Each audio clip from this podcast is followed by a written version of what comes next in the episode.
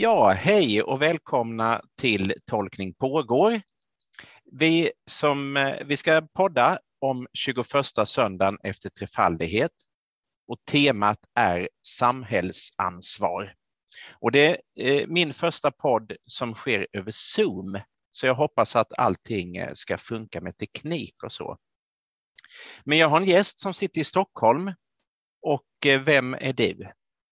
Ja, hej allihopa! Jag heter Katja Stroven och är prästkandidat för Stockholms stift och pluggar på Enskilda högskolan här i Stockholm. Ja, vad spännande. Och jag ska säga att jag heter Ola Formling också och eh, sitter på stiftskansliet i Lund eh, där jag just nu jobbar med teologi och hållbarhet. Så, så vi kommer säkert in, för visst är det så att du, har en, eh, du är igång med en Facebook-sida Katja, Ja, precis. de här frågorna. Jag är del av ett nätverk som heter Skapelse och existens.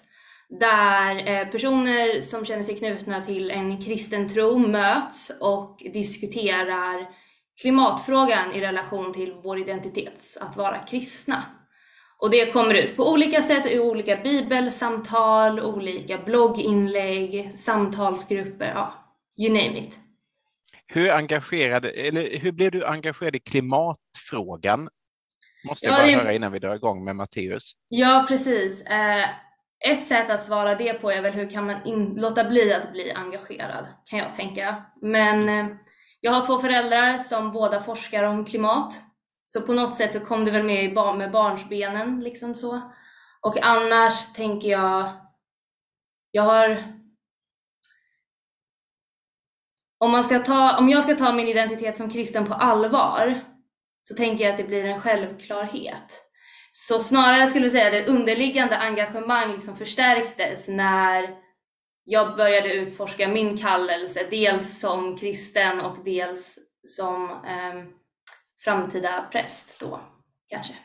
Mm jag kan känna igen mig lite i det där. Eller jag får ibland frågan då eh, nu när jag jobbar med klimat och så där att ja, men, åh, jag visste inte att du brann för klimatet eller har du varit specialintresserad av klimatfrågan? Och egentligen har jag liksom inte det, utan på ett sätt skulle jag eh, tänka mig att jag skulle vilja syssla med andra saker. Men det är mer det att frågan, eh, det vore så konstigt att inte liksom inrikta sig mot den när det har med hela vår existens att göra och jag ska jobba med existentiella frågor. Det blir på något sätt att frågan väljer oss på något sätt. Så, eh, ja. Jo men precis och jag tänker ibland och historiskt så kanske klimatfrågor har blivit någonting som ses som skilt från oss människor. Eh, mm. Och mer och mer under de senaste kanske 30 åren så har det ändå liksom inom akademin, inom teologin och inom många andra akademiska eh, områden så har det liksom blivit tydligare också att vi, vi människor är ju inte något skilt från vad vi kallar för skapelsen utan vi är en del av den. Så en fråga om planetens överlevnad blir ju en fråga om vår överlevnad också på samma sätt som att vår överlevnad är knuten till resten av skapelsen. Så. Och det påverkar naturligtvis oss som kristna och vår relation till Gud, eh, som vi ju tror då är skaparen också. Eh, för jag menar, för Jesus var ju inte frågan om klimatet, det fanns ju inte liksom när evangelierna skrevs, men däremot omhändertagandet och så där var ju, är ju naturligtvis spår. Så att det kräver ju också en, en eh, nytolkning, eller vi måste ju tolka texterna på ett delvis nytt sätt, precis som vi måste omtolka allting i vår tid. Och, och, på medeltiden behövde man göra andra omtolkningar och så där. Men vi kommer väl in på det, men jag tycker att vi, eh, vi tänker oss nu att det är söndag och eh, vi ska predika och vi ska göra det eh, med utgångspunkt i Matteus-texten. Och då Katja så ber jag dig att läsa den för oss. Ja, då hör vi här ur ord ur Matteus evangeliets 22 kapitel. Fariseerna gick bort och kom överens om att försöka få fast Jesus för något han sade. De lät sina lärjungar och några av Herodes anhängare söka upp honom och säga Mästare, vi vet att du är uppriktig och verkligen lär oss Guds väg. Du faller inte undan för någon och ser inte till personen. Säg oss vad du anser. Är det rätt eller inte att betala skatt till kejsaren? Jesus märkte deras onda avsikt och sade Hycklare! Varför vill ni sätta mig på prov? Visa mig ett mynt som man betalar skatt med. De räckte honom en denar och han frågade Vems bild och namn är det här? Kejsarens, svarade de. Då sade han till dem Ge då kejsaren det som tillhör kejsaren och Gud det som tillhör Gud.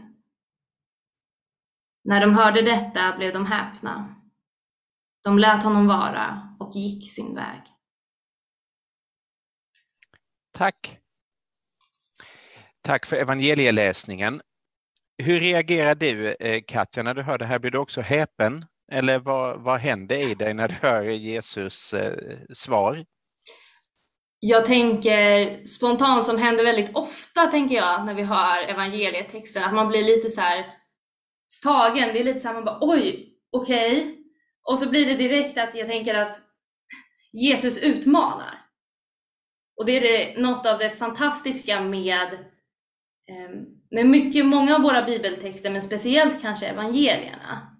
Att det inte bara är någonting jag kan, behöver ta, eller liksom, kan luta mig tillbaka och bara ta emot, utan att det också är något som utmanar mig och som får mig att tänka själv. Så min spontana tanke är kanske så här, aha, okej, okay, så vad, är, vad tillhör Gud och vad tillhör kejsaren? Liksom spontant. Det känner jag eh, det känner jag igen mig i. Det här är ju ett av de utmanande evangelierna eh, som, som, och det kanske de flesta evangelier är. Eh, jag, när jag tittade lite i någon kommentar här innan så var det en formulering jag fastnade vid att eh, som jag tror det var Stanley Hauerwas som sa att du vet att du har ett problem om du är en lärjunge till Jesus och inte har ett problem Alltså på något sätt att det, på ett sätt så skapar Jesus mer problem. Det är inte det friktionsfria som är idealet utan det är, någonting, det är snarare det här att den här brottningen, han synliggör ju en brottning här som vi på ett sätt hela tiden eh, står i med två storheter, dels Gud och dels kejsaren och pengar finns ju med också här och, och, det där är väl en dragkamp som vi lever i, i högsta grad i vår tid också, skulle jag vilja säga. Ja men precis, jag tänker att um, evangeliet kanske blir ett befriande budskap just för att det utmanar. Att det finns något um, en annan grej, skulle vi behöva evangeliet om allt var perfekt? Om vi inte behövde tänka efter? Jag tänker att det om det, om det så bara är att jag börjar fundera över någonting så har det redan gjort någonting med mig, oavsett vad jag kommer fram till. Så. För då tolkar jag det som att evangelium för dig Katja, det är inte bara då att du får ett svar, att du brottas med någonting och sen kommer evangeliet med ett svar, utan det är snarare det att evangeliet ger dig kanske på ett sätt mer att tänka på.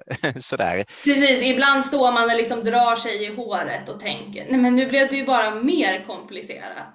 Ja, för det hade varit lättare om Jesus hade sagt betala inte skatt till kejsaren och då hade det bara blivit en politisk fråga och så hade, hade man kunnat gått vidare. Eller motsatsen kanske, det här med att Ja, men jag kommer ihåg när KG Hammar var ärkebiskop och så där så fick han ju ofta kritik för att han inte var tillräckligt tydlig och sådär.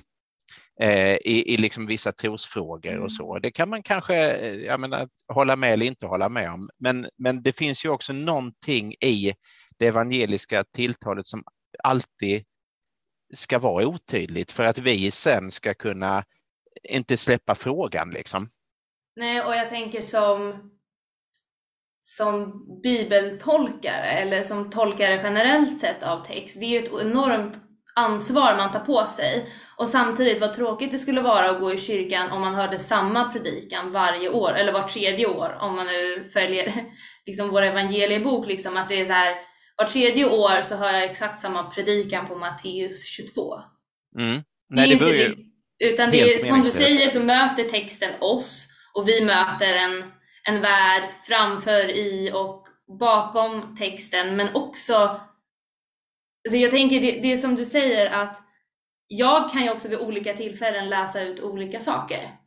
Så bara mm. det att, att det får finnas texter som är oklara är ju en skatt i sig, även om det blir brutalt frustrerande ibland. Mm. Brutalt frustrerande, ja men det verkligen. Och eh, jag tänker vi måste bara för lyssnare som kanske inte har, har rotat i den här texten på länge, grunddilemmat som man vill sätta dit Jesus för är då att, att det här är någon slags fälla han sätts i då.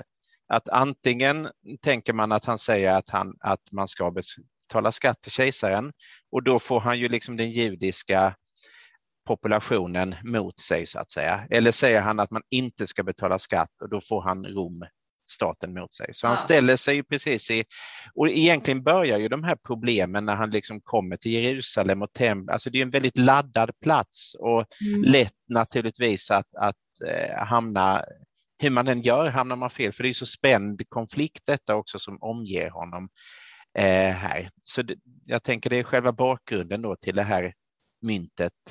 Precis, det är en sån här kuggfråga som man inte mm. riktigt mm. kan svara rätt på. Ändå lyckas Jesus på något sätt. Ja, det, det, kan man ju verkligen säga här.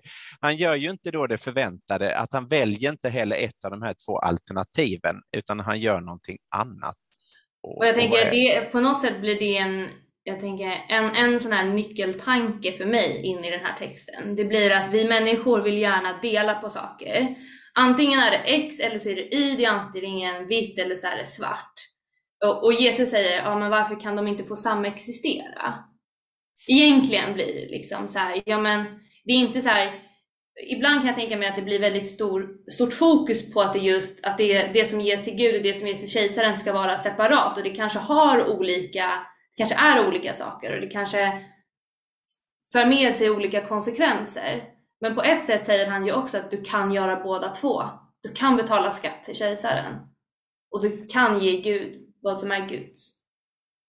Ja men precis, han både, det är, det är det som blir ju lite mindblowing eller förvirrande för man vet, men för jag menar på ett sätt är det ju som du säger att han för samman de här, att, inte, att han inte separerade och på ett sätt så separerar han ju det hela. För att samtidigt så menar han väl att man ska hålla isär då vad man, eh, alltså sin gudstillbedjan och, och ha, liksom giva akt på sitt bruk av pengar. För någonstans så ligger det ju också någonting i det att vad han kanske säger är, är kan ju också vara att ja, men ge tillbaka de där pengarna till kejsaren för de, de behöver inte betyda någonting. Alltså mm. låt kejsaren ha sina pengar med sitt, sitt huvud på, för, för det, det viktiga är liksom någonting annat. Eh, så. Eh, du kan betala, gör vad du ska, liksom betala din skatt, men, men låt det inte liksom gå ut över din, din eh, tro eller så. Nej, och jag tänker Gud är också större än, än mm. våra monetära bekymmer, än, än, mig, än jag, än du, än alla. Liksom så, här, så på något sätt så blir det också att ja, men om vi tar tron på Gud som skaparen som har skapat allt som finns i allt. Ehm, så varför skulle Gud behöva våra pengar? Alltså på något sätt blir det liksom, och jag tänker också att om man sätter in eh, den här söndagens texter in i kyrkoårets sammanhang mm. så har vi haft senare delen av trefaldighetstiden har vi liksom blivit påminna om vad är det att vara goda förvaltare, att ta vara på varandras gåvor att se sina medmänniskor. Så kommer vi till det här med eh, samhällsansvar och precis innan har vi haft tacksägelse. Att på något sätt så liksom, det som är Guds är ju, vi tillhör Gud, vår lovsång, vårt tack, vårt liksom, det är ju det, om man också tar, eh, vad, är, vad är det nu, exakta formuleringen? Ehm, du ska älska Herren din Gud av hela ditt hjärta och hela din själ, hela din kraft och hela ditt förstånd och din nästa som dig själv. Då blir det, ja, för mig sätter det sig verkligen här att jo, men ju, oavsett liksom, betalar jag skatt, betalar jag inte skatt, um, så tillhör jag tillhör Gud. Min lovsång är Guds. Oavsett liksom, pengar eller skatt eller så är det det Jesus gör då kanske, att han, han eh, pinpointar att vi har ofta den andra fokuset. Alltså vi tänker så mycket på de, på de här pengarna och mynten att vi glömmer den andra sidan med lovsången, för vi är fixerade vid det här. Ska jag betala skatt? Ska jag inte betala skatt? Hur mycket skatt ska jag betala? Hur ska vi få ihop eh, ekonomi och tillväxt? Jag menar, det var ju partiledardebatt för, för någon vecka sedan mm. och då var, var det ju hela tiden liksom, vi är jättefixerade vid det här med välstånd och tillväxt eh, och så. Men, men att kanske ja, men, att, att han tar lite, liksom var udden av eh, pengarnas makt här också kanske. Ja men precis, så när, när deklarationen kommer se, snart så får man också tänka, jag tänker på det här um, som man kanske ibland uh, liksom betonar ger väldigt mycket inom en luthersk kontext att um, Gud kräver, avkräver oss inte prestation för att få vara i relation till Gud. Mm. Um, eller liksom, ja, att, att Gud är liksom inte imponerad av våra, av våra högar med, med välfärd eller guld eller liksom sådär och att um, och kanske att poängen inte blir att skilja på vad som är världsligt och vad som är andligt utan vad som är viktigt. Någon, någonstans i samma. Ja, för det finns väl också eh, den här lutherska tvåregementsläran här rör sig kanske också lite från den här texten, eller vad tror du? Ja, ja. det här med att det andliga och världsliga regementet som på något sätt båda driver Guds rike men, men på olika sätt eller med olika medel. Eh, det finns ju någon sån här tanke som man liksom på något sätt, jag kan vara både tycka att det, det är en väldigt fin tanke men också vara lite kritisk eh, mot liksom den här väldiga uppdelningen där på något sätt. Ja, och samtidigt så här, och det är väl precis det som den här texten sätter fingret på, för samtidigt blir det som att man, man gör skillnad på andligt och världsligt och mm. samtidigt säger man att Gud verkar i allt och liksom på något sätt förenar dem. För jag tänker att om man också tänker utifrån eh, söndagens tema som samhällsansvar eller ansvar och vad det ansvaret innebär så eh, kan man ju också se det som att vi, speciellt om man ser det ur så här, men ekoteologiskt eller liksom klimatnyanserat perspektiv. Att mm.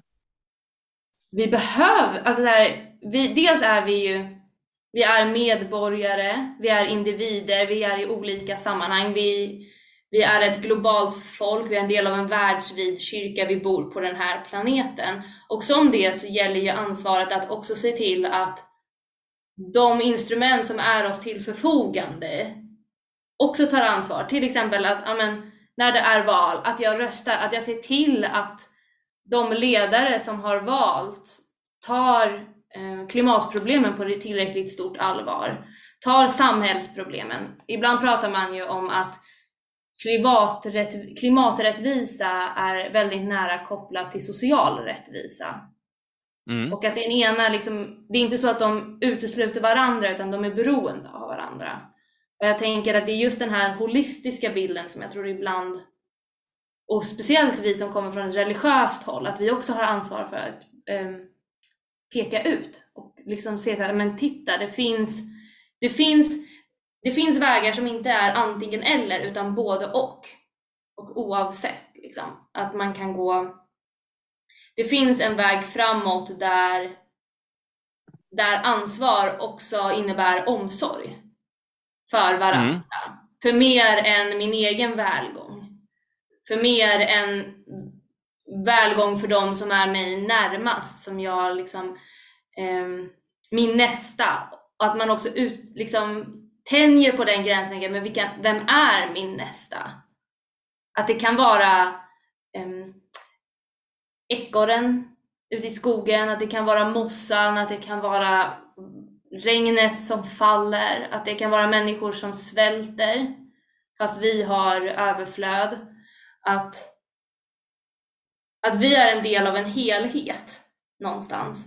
Och att utan det perspektivet så kommer våra handlingar aldrig riktigt nå tillräckligt långt. Så att ta ansvar också innebär att se till att andra också tar sitt ansvar. Men innebär det då med den här eh, myntet och bilden och kejsaren och sådär att vi, vi ska ställa, vi ställa oss liksom lite ut, utanför samhället då eller, eller hur?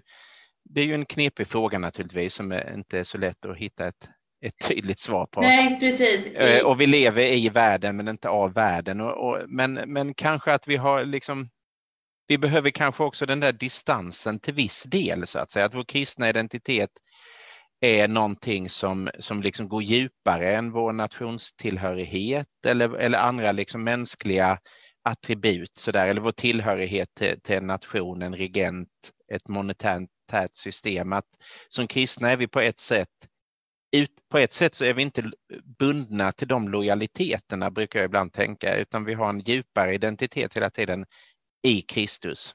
Jag, och jag har något föredrag ibland om liturgi i relation till klimathotet där jag brukar tänka att när vi bekänner oss till eh, gudstjänsten i Faderns och Sonens och den heliga Andens namn så ställer vi oss på ett sätt bredvid alla arter i skapelsen och allting i skapelsen. Alltså vi har alla samma Gud, eh, samma Herre om man då ska uttrycka sig så.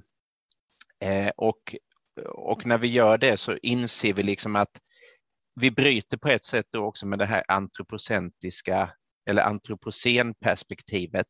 Även om vi naturligtvis, vi kan inte heller tror jag frånsäga oss att vi har ett speciellt ansvar självklart eh, för saker och ting och, och eh, människan har naturligtvis en speciell plats men, men vi är också alla under en annan, en annan makt, en gudomlig makt.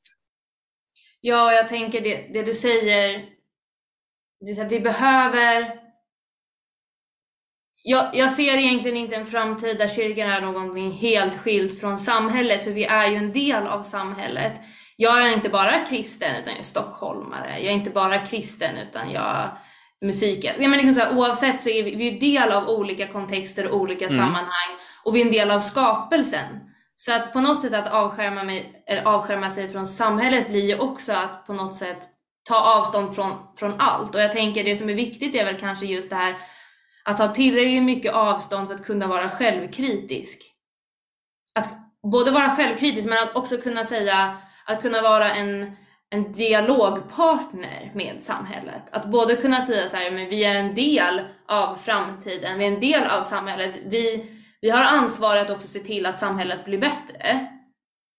Men det lilla avståndet vi har, att inte vara, eller vara för världen, mitt i världen, eller i världen, så här, det handlar ju också om att kunna vara den kritiska blicken som samhället ibland behöver. Tänker jag. Ja, nej men, eh, och där är ju myntet liksom viktigt på det sättet att, att om vi bara då hade myntet som vi följde, eller om, vi, om det bara var en vinst eh, som var målet med livet, att mm. maximera. Och det är ju faktiskt, så lever ju många av oss och, och det gör vi väl alla till viss del. Liksom. Men, men då kan man ju tänka sig det vi sa i början, att evangeliet blir någon slags kritiskt korrektiv till det andra perspektivet som annars riskerar att, att dominera våra liv. Att bara maximera vinst eller, eller så. Mm. Och Jag tänker just att när Jesus faktiskt säger ja, men ge då kejsaren det som tillhör kejsaren eller snarare så här att det inte är så här skit inte i din kontext. På något sätt blir det också så här bara för att Gud inte bryr sig om pengarna så eller liksom bara för att Gud inte eller jag tänker, ibland känns det som att skulle man bara kunna skita i pengar överhuvudtaget och så inser man fast det är ju en valuta för oss idag som faktiskt också gör skillnad. Alltså det är inte bara av, det är att se det återigen svartvitt om man tänker att pengar bara är av ondo.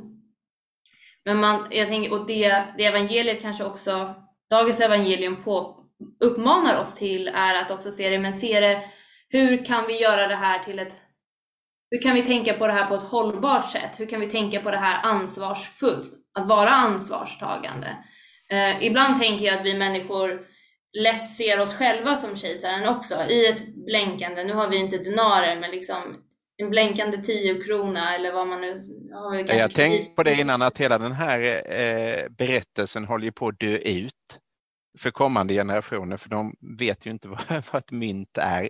Vi, alltså, det, är sådär, det, det börjar bli gam, gammalt det här med att, att ha ett mynt men vi har med kungens bild. Men, men visst, ja. ja men jag tänker liksom det här med att vi eh, men vi människor har så lätt att sätta oss själva i centrum, att se vår egen bild på det här myntet. Liksom.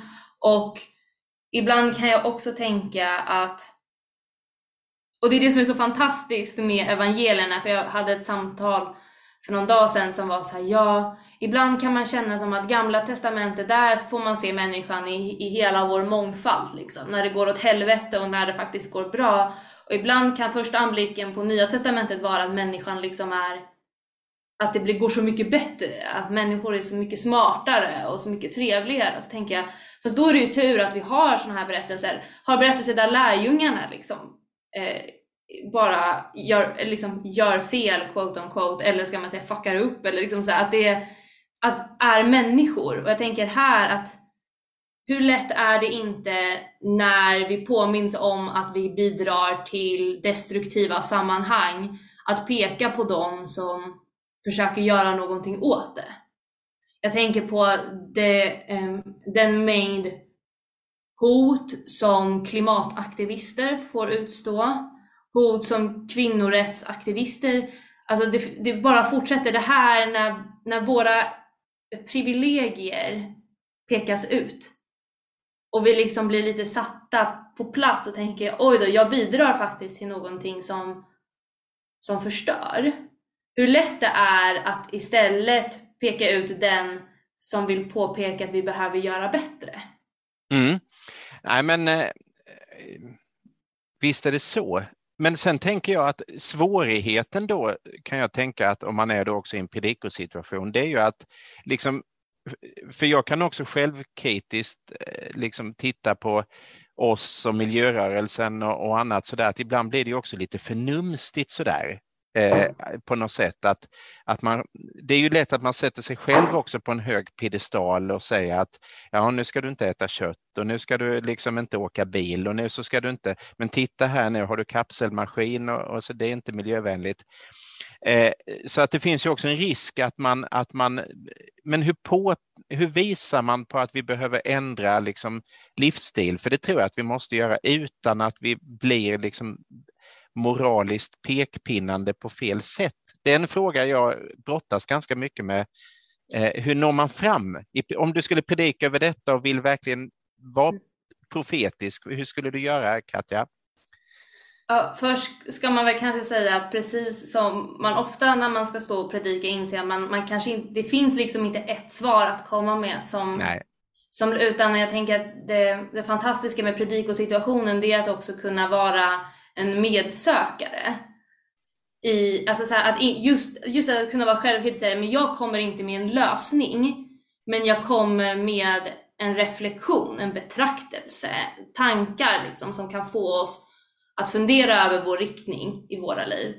Um, och jag tänker just på det här att Jesus säger ju inte det här för att ge oss mer ångest eller ge människorna där och då mer ångest utan kanske snarare för att visa på um, tiden att agera är nu. Alltså vi har en dåtid vi kan sätta oss själva i relation till. Vi har en framtid och ett hopp som kommer komma. Men den tiden vi har att förfoga över, det är nu. Det är den här minuten, det är om tre minuter, det kanske är imorgon och om 40 år. Men att ta tillvara på de sammanhang och den tid vi lever i. Och jag tänker att det finns någonting befriande i att låta sig själv ha tillit till, att våga tro på att, att Gud kräver inte pengar, Gud kräver inte prestation. Men det finns en medvetenhet om att vi också måste vara ansvarstagande. Att, att Gud uppmanar oss till omsorg av varandra. Jag mm. tänker också på eh, jag tycker både den gamla testamentliga och episteltexten talar till samma sak. till det här, att visa um, kärleken är alltså lagen i dess fullhet, att visa respekt och vördnad för varandra, att visa omsorg. Det är en del av att visa kärlek till varandra och den kärleken kommer också från Gud. Och det känns som att, att, vi, att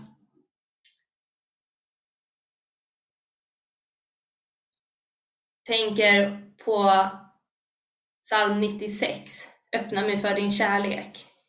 Ja, just det. Världen Mm. behöver mig, världen behöver din kärlek strömmande genom mig. Att en del av det också bara, att en del av att svara an på kallelsen till ansvarstagande och omsorg, visa omsorg, handlar om att låta, låta den omsorgen som ges oss, som Gud ger oss, den nåden, den barmhärtigheten, att visa den för andra också. Jag tycker det är viktigt, för det är ju, vi orkar ju leva eh, kanske goda liv också om vi får ta emot någonting. Det, och det är ju hela tiden det som är den kristna liksom hållningen, att det handlar ju inte bara om att, att kämpa på och vara rättfärdigare än alla andra, utan det handlar ju kanske minst lika mycket om att ta emot en nåd och en kärlek och, och låta den försöka få rot så. Mm. Så att det, det här att vi tar emot någonting är ju otroligt viktigt, eh, tycker jag. Jag menar, det är väl likadant om man tänker på munkar och nunnor och folk som verkligen hängivet ger sitt liv till Gud. De hade ju inte gjort det om de inte också hade känt en lust och en glädje och, och, och så där i det de, de gör. Det är ju inte bara, det är ju inte någon späkning för jordens skull som kanske är, livet, eh, det kristna livet, eller behöver inte vara i alla fall, och inte hela tiden framför allt. Eh, så det är väl en, en poäng, liksom att, att vi får ju också någonting Eh, här till oss i, eh, i vårt liv med Gud. Ja, det, jag tänker det är väl just där som, som lovsången och tacksägelsen kan få komma in också. Just det där att när, när jag får vara del av, av, no, av någon annans ansvarstagande, av någon annans omsorg, att visa tack för det. Att liksom, på samma sätt som vi sprider kärlek, att tacket får spridas också. Mm. Att det faktumet att det finns, det, fi, det finns saker att göra. Det alltså, vär, livet är inte hopplöst. Det, och jag tänker igen på um, Bonhoeffer och billig nåd och dyr nåd. Att det också kan finnas någonting som ligger i billigt hopp och dyrt hopp. Att, att också tänka att även om det kan kännas så, så pass simpelt att det blir svårt att förstå att jag är älskad som jag är. Att det inte krävs någon prestation från min sida för att, min, för att jag ska få vara i relation till Gud.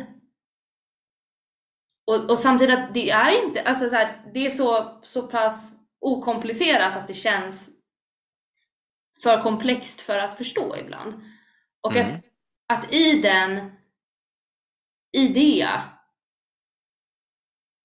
i, liksom i den kärleken att tacksägelsen också kan få komma och kan få spridas. Kan få vara en del av... Jag tror att människor skulle må bättre då.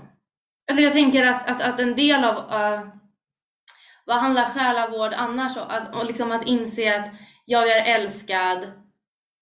Den här personen bredvid mig som jag är jätteirriterad på, som pekar ut mig eller som jag pekar ut, eller som pekar ut mina utmaningar och mina privilegier. Den personen är också älskad.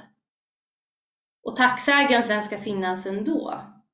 Så ett av dina eh, liksom predikouppdrag för den här söndagen är också då, som jag läser, tolkar dig, att, att visa också samhörighetens evangelium. Eh, och det du var inne på innan, eh, jag kommer inte ihåg om det var innan vi tryckte på inspelningsknappen eller efter, men klimaträttvisa pratar du om. Att, att, och jag menar och också samhör, för det är väl det som är liksom söndagens bärande tema i alla de här texterna är, är ju det här samhörigheten både med Gud och, och med medmänniskan. Men att vi i vår tid ofta glömmer samhörigheten både med planeten och med, med varandra eftersom vi har ett ganska, eh, vi lever ju på ett sätt lite ensamma liv kanske och Ja. kan känna oss avskurna från den, eh, de, alla de relationer som egentligen finns. Och jag tänker att det, det är också det häftiga med, med att Jesus just säger ge det eh, ge kejsaren det som tillhör kejsaren. Att han säger inte så här, er relation, er relation med Gud är god så skit i världen. Skit Nej. i att ge skatt. Utan det är ett upp, en uppmaning till engagemang, till agerande.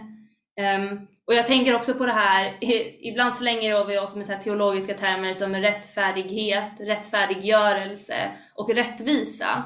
Och på ett sätt kanske det här handlar just om det, att jag må vara rättfärdiggjord inför Gud. Min relation till Gud må vara bra, men det tar inte bort mitt samhällsansvar för att också se till att rättvisa får råda, att Guds rike får bli en plats på jorden. Mm. Och sen är ju det svåra, men det är ändå vårt uppdrag att tolka hur, hur gör jag då detta på, ja. ett, på ett bra sätt? Det är ju liksom, Jesus ger ju inte någon, någon, eh, tydlig instruktion där och det är kanske precis det som är poängen att sen är det upp till mig att faktiskt tillsammans med andra människor försöka förstå vad blir bäst? För det är ju det svåra mm. naturligtvis i allting, inte minst i klimatfrågan där man ju hela tiden snurrar in sig i olika resonemang och återvändsgränder och, och, och sådär. Det, det, är ju, och det kan, och det, hela det där kan ju också få en att ge upp ibland tror jag som människa. Jaha, hur är det nu? Var inte kravodlat bra? Hur ska jag göra nu med det här? Och är det elbil eller? Ja, men man kan ju bli så otroligt trött på det där. Ja. Men det här är väl någon slags uppmaning att, att kämpa på ja. Eh, med allt det där precis. vi brottas med. Liksom, jag tänker återigen på, um, på de verser vi har ur Romarbrevet som också får belysa det här temat lite att när, när Paulus skriver att de här buden kan sammanfatta, alla de här buden kan sammanfattas i att älska varandra. I budet att älska din nästa. Och då tänker jag att älska din nästa måste ju då på något sätt också vi innebära att vi visar den omsorgen som de här buden uppmanar oss att göra. Att inte stjäla från varandra. Att inte stjäla från eh, varandra här och nu, inte stjäla från varandra eller från framtida generationer. Att visa varandra respekt, att inte gå över gränser, att åtminstone försöka. Jag tänker återigen att Gud, om, Gud, om Gud inte kräver prestation så kanske det också är en uppmaning till att försöka mer än en uppmaning till att lyckas. Ja, men det, jag tycker att det är fina slutord också för det här avsnittet. Jag skulle kunna fortsätta länge till. Jag tycker att vi liksom, ju mer vi pratar, ju mer kommer man ju fram till spänn, nya, det öppnar upp nya dörrar hela tiden. Men, men Gud vill att vi ska försöka snarare än att lyckas. Ska vi låta det, de orden eh, få klinga ut eh, den här podden helt enkelt. Amen Stort, på det. Stort tack eh, Katja för att eh, du eh, ville vara gäst idag och lycka till med fortsatta studier. När är det pestvigning, pesten eller så? Eh, juni 23. Juni 23. Gott. Och tack till dig som har lyssnat. Fortsätt gärna att försöka och vill du veta mer om eh, text, texten så är du välkommen till kyrkan på söndag där det förkunnas på olika sätt om denna text som man aldrig blir färdig med. Lycka till!